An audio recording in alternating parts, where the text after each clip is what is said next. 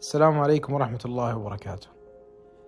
في كتب الإدارة وتطوير الذات يعمد الكثير للجوء الكتب الأجنبية وكتاب الأجانب مع أنه لدينا ما شاء الله من الكتاب الكثر في زمننا المعاصر ومن هذه الكتب والكتاب لدينا الدكتور عبد الله المغلوث من المهتمين في الإدارة ومن الأسماء البارزة في علم الإدارة.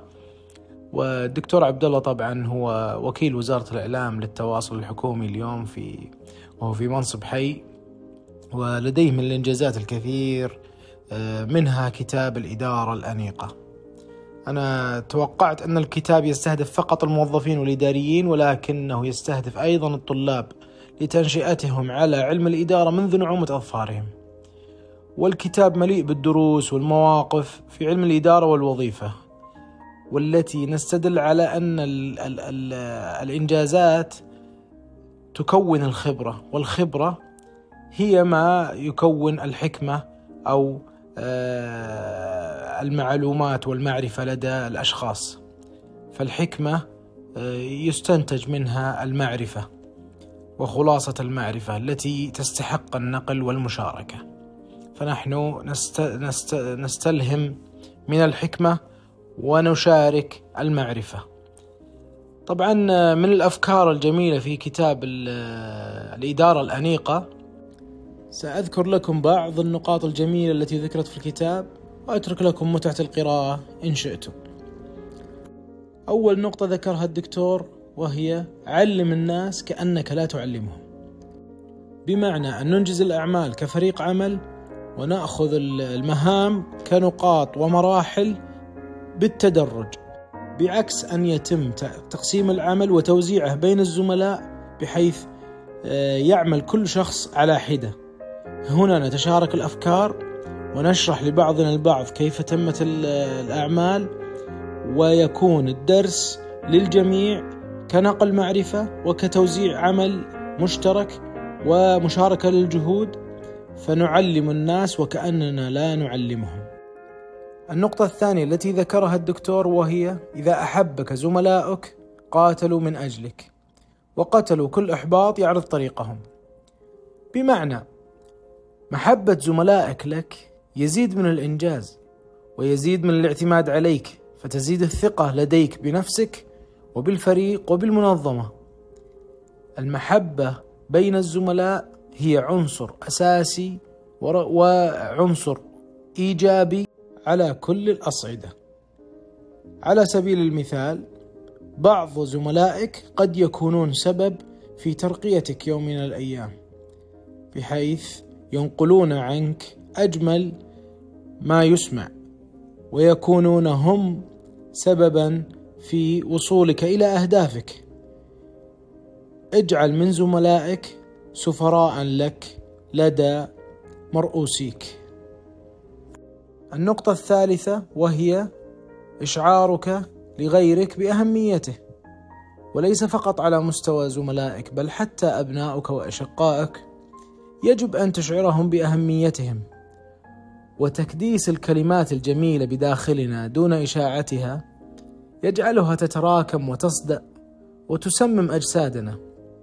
فمن الجميل أن نشارك من نحب مشاعرنا ولا نكبتها بداخلنا. وليس من الجميل أن نحبس مشاعرنا لحين وداع أحبابنا. فهي تقاس على كل الأحوال على الزملاء على الأبناء على الأصدقاء على جميع من تعرف. حتى من تتعامل معهم من خلال الشراء والبيع في أروقة الأسواق.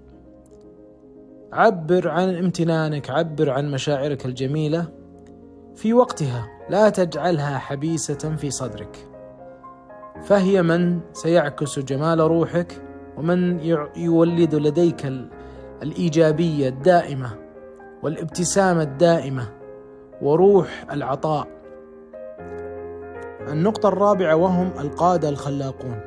وهنا لا نقصد القادة الذين يستثمرون بالموظفين المتميزين بل من ينفضون الغبار عن الموظفون المنطفئون. هنا يكمن الإبداع لدى القادة. هم من يستثمرون بهؤلاء المنطفئون الذين يملكون الكفاءات ويملكون الإمكانيات ولم يجدوا من ينفض عنهم الغبار أو يحفز ما بداخلهم. النقطة الخامسة وهي الاستسلام المرفوض. بمعنى أنه يجب أن تخاض المعارك حتى نهايتها حتى ولو أخذت وقتا طويلا. فلا تستسلم عند أول هجوم. اجعل من مسيرتك الوظيفية معارك متواصلة ولكن بمقاصد جميلة. لا تكن معاركك سلبية. اصنع من المعارك طاقة إيجابية واصنع من المعارك محطات لمواصلتك لأهدافك. فكل هدف يراد أن ينال يجب أن يحتوي على عنصرين أساسيين وهما الالتزام والاستمرار. الالتزام والاستمرار. فلا التزام بلا استمرار ولا استمرار دون التزام. أعمالك الجميلة ونجاحاتك المميزة إذا كانت وقتية أو ظرفية لن يكون لها صدى أنت مميز نعم. أنت ناجح نعم. ولكن يجب أن تستمر ويجب أن تلتزم بهذا الاستمرار. كم من ناجح لا يملك المهارات بل لديه السر المقدس في نجاحه وهو الالتزام والاستمرار. النقطة السادسة وهي كن مصدر إلهاما لا تكن مصدرا للخوف. كونك قائدا عزز الثقة لدى تابعيك اكسب ثقتهم لا تجعل الخوف هو المحرك الوحيد الذي تملكه لإدارة هذا الفريق وإعادة توجيهه أو آه، تحريكه بما يناسب توجهك. لديك من المهارات والأدوات الكافية لزراعة الثقة وإقناعهم بأهدافك وقوة شخصيتك دون أن تشيع الخوف أو تستخدم أداة التخويف لتوجيه هؤلاء التابعين. النقطة السابعة ذكر فيها أنه أسوأ مدير قد تحصل عليه هو الذي لا تستطيع أن تصل إليه. هذا المدير أو القائد سيظل يراوح مكانه ولن يغادر مقعده عاجلا وسيبقى صورة واحدة فقط أما ناصعة أو مظلمة فهذا القائد أو المدير بالأحرى لأنه ليس بقائد لا يمكن الوصول إليه ليحافظ على صورة نمطية معينة زرعها في بداية امتلاكه لهذا المنصب أو استحواذه على هذا المنصب ويريد أن يحافظ عليها دون أن تنكشف. هذه الصور سواء كانت ناصعة أو مظلمة لن تستفيد من الاحتكاك بها. هؤلاء النوعيات من القادة أو المدراء ليسوا ناجحين بل هم ظلال لكراسيهم فقط. فلا تجهد نفسك في المحاولة من الاستفادة منهم. النقطة الثامنة وهي بعض الانتصارات هزائم. إن أي فوز تحصده على حساب جهود الآخرين هو خسارة فادحة. لا تنجح وحيدا. ولا تفرح وحيدا. فإنما تجنيه سيكون مؤقتا وفرحا قليلا. انجح مع الجميع وافرح مع الجميع. انتصارك مع فريق عملك هو الانتصار الأجمل والأبقى. النقطة التاسعة وهي إحسان الظن بالجميع. الكثير منا لديه من الأسرار والمعاناة التي قد تؤثر على أعماله.